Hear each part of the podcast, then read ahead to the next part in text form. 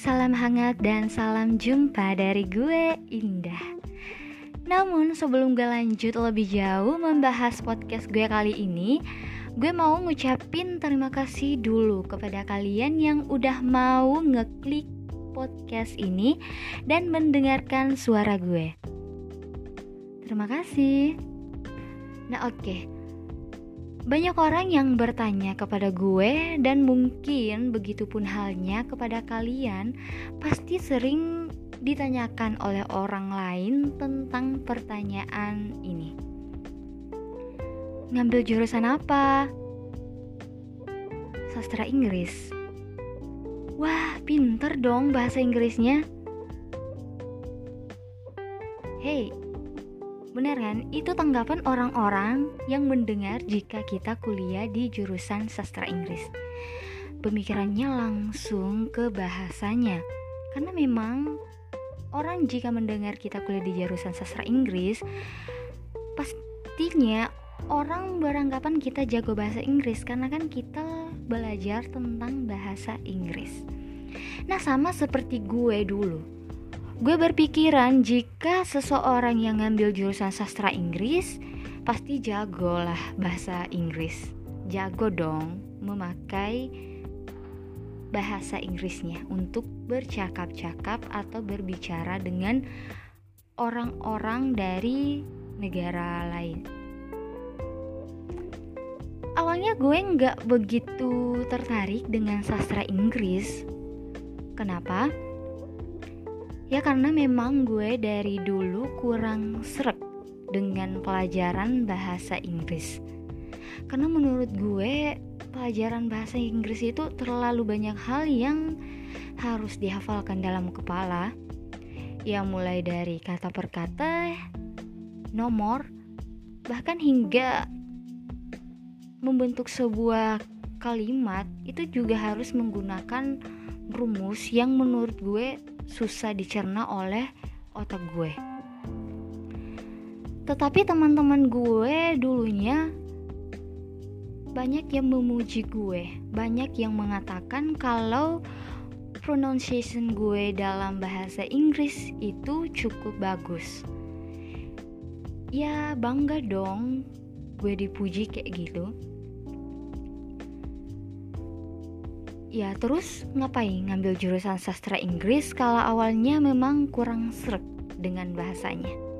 Itu pertanyaan diri gue kepada diri gue juga sendiri. Alasan gue milih jurusan sastra Inggris. Ya jawabannya adalah karena gue ingin menantang diri gue sendiri. Dan juga karena pujian sederhana dari teman-teman gue mampu membuat gue akhirnya milih jurusan sastra Inggris ini. Itu alasan gue milih jurusan sastra Inggris. Jadi gue gue enjoy aja dong awalnya berpikir kalau ternyata gue nggak salah jurusan. Dan juga awalnya gue berpikir jika kuliah di jurusan sastra Inggris maka saat proses perkuliahan berlangsung, pasti harus menggunakan bahasa Inggris full.